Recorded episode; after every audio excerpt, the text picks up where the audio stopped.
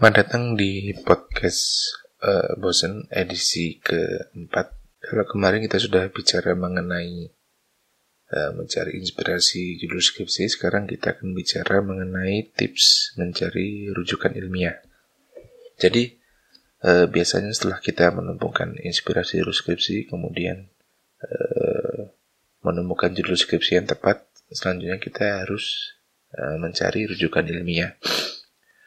Nah, rujukan ilmiah itu sendiri sebenarnya kalau dalam skripsi ada ada tiga tiga ini ya tiga yang utama yaitu yang pertama adalah jurnal jurnal ilmiah atau tulisan artikel ilmiah kemudian yang kedua buku gitu. baik buku bentuk ebook atau buku bentuk cetak terus yang ketiga biasanya berupa uh, berita berita atau artikel nah yang paling cepat bisa digunakan untuk skripsi adalah jurnal. Kenapa? Karena jurnal merupakan tulisan ilmiah yang biasanya paling update. Ya. Jadi kalau bisa dibilang kalau jurnal itu per 6 bulan sekali, per 3 bulan sekali biasanya sudah ada uh, pembaharuan gitu. Beda dengan buku yang bukunya mungkin agak lama, bisa setahun, dua tahun baru ada pembaharuan dari topik yang sama. Kalau berita memang lebih cepat lagi, tapi kadang tidak terlalu ilmiah gitu, karena yang memang hanya menyusun wartawan bukan penulis ilmiah. Nah, uh, biasanya juga dalam persyaratan skripsi disyaratkan bahwa harus memuat jurnal sekian, biasanya 10 ya, 10, kemudian ada buku terbaru 10 gitu. Nah, kalau untuk menyiasati ini, hmm, pertama adalah cari jurnal dulu, baru setelah itu nyari bukunya gitu. Kalau nyari buku dulu biasanya nggak ketemu, apalagi kalau uh, temanya spesifik gitu kan. Misalnya komunikasi interpersonal gitu, kemudian mencari buku yang paling baru itu biasanya paling agak susah. Gitu. Makanya harus melalui mencari jurnal. Nah, cara mencari rujukan ilmiah yang pas ini pertama adalah dengan uh, menuliskan kata kunci yang diperlukan gitu kan. Kata kunci atau keyword ini bisa berupa Eh, bisa berupa teori apa yang dipakai gitu kan? Itu kan ada kata ada kata kuncinya. Misalnya teorinya komunikasi politik maka kata kuncinya adalah komunikasi politik. Kemudian yang kedua adalah objek yang dipakai objek yang diteliti ya itu gunakan sebagai kata kunci. Dan kemudian hal-hal lainnya. Dengan kita mengantongi kata kunci ini maka proses eh, proses pencarian rujukan ilmiah ini akan semakin mudah gitu. Jadi ketika kita berangkat searching itu kita sudah tahu bahwa apa sih yang mau dicari? Apa yang mau dikerjakan gitu. Misalnya hari ini mencari teorinya dulu maka kata kunci yang dipegang adalah teorinya dulu. Kemudian besoknya adalah tentang objek penelitiannya maka objek penelitiannya yang dikerjakan. Nah setelah teman-teman menuliskan kata kunci yang diperlukan lalu kunjungi perpustakaan kampus Anda.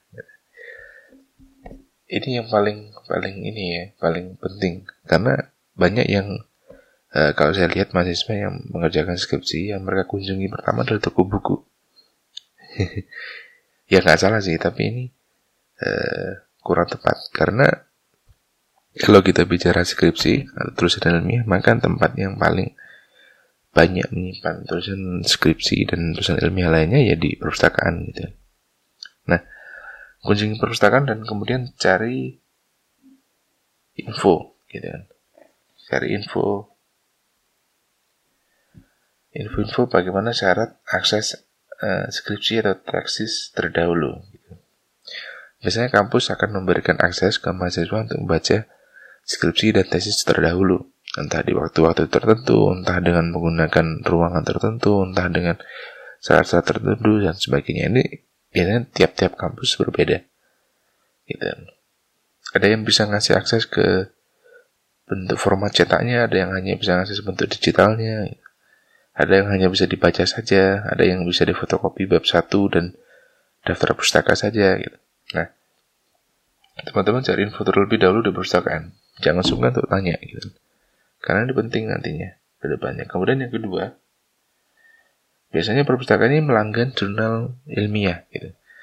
Jadi kampus itu membayar nah, sekian ratus juta gitu kan ke penyedia langganan jurnal sehingga mahasiswanya bisa mengakses bisa download gratis gratis dari dalam atau luar negeri.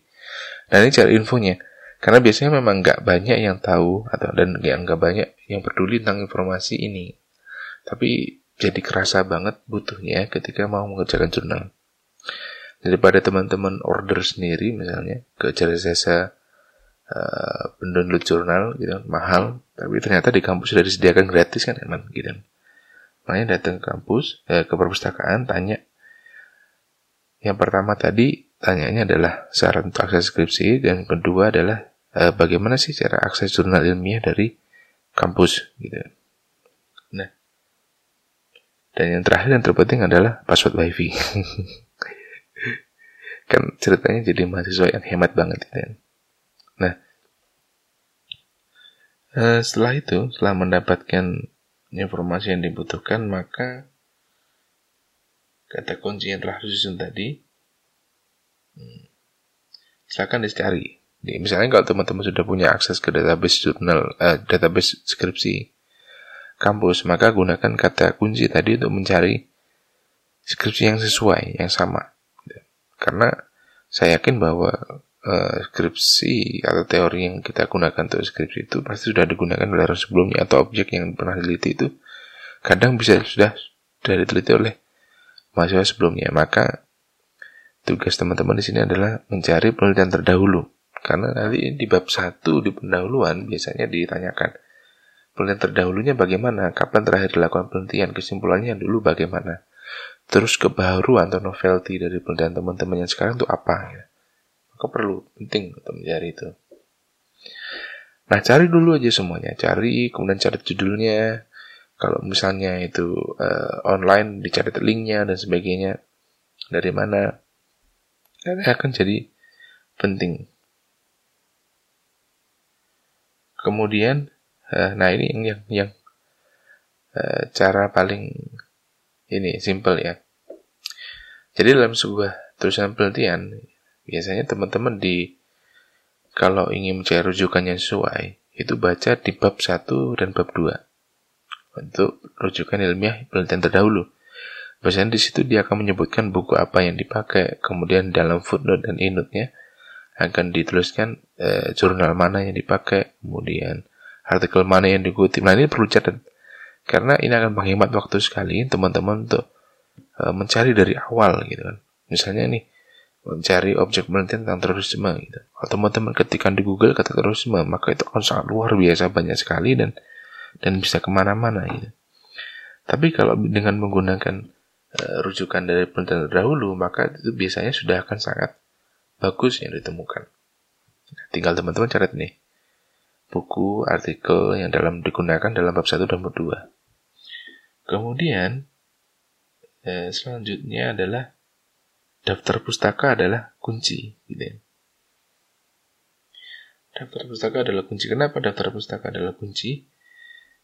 Karena di situ dimuat semua utuh gitu buku yang digunakan kemudian eh, artikel jurnal yang dikutip dan sebagainya nah ini penting untuk dibaca untuk dibaca dan dicatat gitu kira-kira kalau mereka kakak-kakak mahasiswa terdahulu melakukan penelitian tentang terorisme misalnya, buku apa sih yang dipakai, jurnal apa sih yang dipakai, majalah apa sih yang dibaca.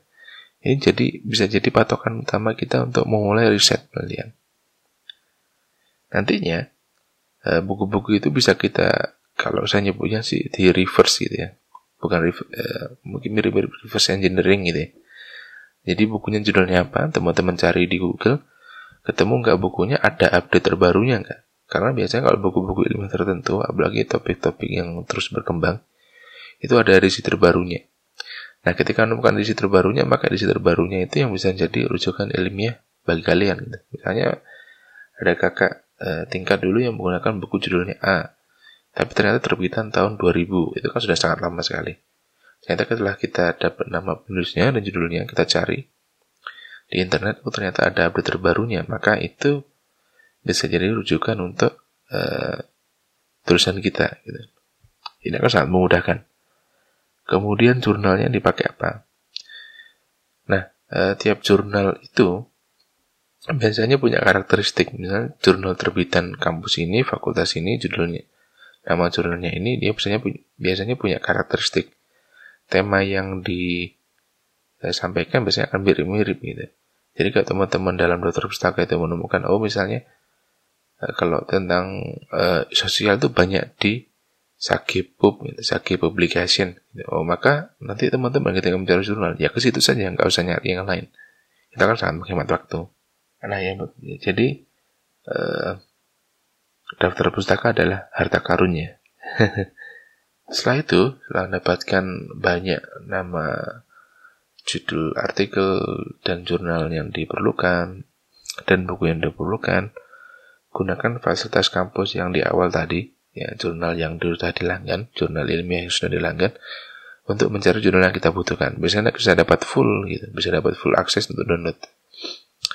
Untuk buku biasanya nggak banyak yang berlanggan, tapi nanti kita akan membahas tentang buku selanjutnya. Nah, andaikan misalnya ternyata di kampus kita tidak berlangganan jurnal, walaupun itu nggak mungkin ya, rata-rata sekarang kampus sudah berlangganan jurnal berlanggan, karena untuk mengejar eh, ini akreditasi.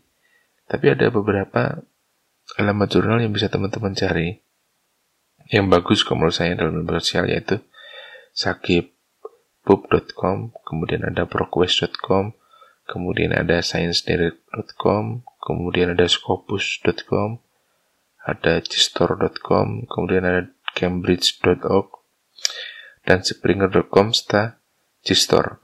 Kalau di dalam eh, milik pemerintah, nah ini untuk pemerintah bisa teman-teman cari di e-resource.propusnas.go.id. Jadi ini milik perpustakaan nasional gitu. Jadi teman-teman tinggal daftar saja di situ. Kemudian habis itu bisa mengakses ribuan jurnal yang terdaftar di Perpusnas. Bahkan kalau saya lihat kemarin dengan menginstal aplikasinya milik Perpusnas, teman-teman bisa mengunduh dan membaca dalam waktu tertentu ya, biasanya dikasih waktu satu minggu, eh, buku dan artikel jurnal yang disediakan secara gratis. Gitu. Lalu ada juga yang disebut dengan OJS atau Open Journal System. Jadi setiap eh, pengelola jurnal itu menggunakan OJS, Open Journal System, gitu. Kalau misalnya dalam kampus ini dia punya nama jurnal, biasanya dia akan menggunakan OJS. Nah, OJS ini salah satu kelebihannya adalah dia bisa di-download secara gratis isi jurnalnya dan full. Nah, ini bisa teman-teman manfaatkan untuk menjadikan rujukan ilmiah. Namun OJS-OJS ini harus ditelusuri. Telusurinya gimana? Per kampus gitu. Misalnya UGM punya jurnal ini yang bagus, teman-teman cari di situ.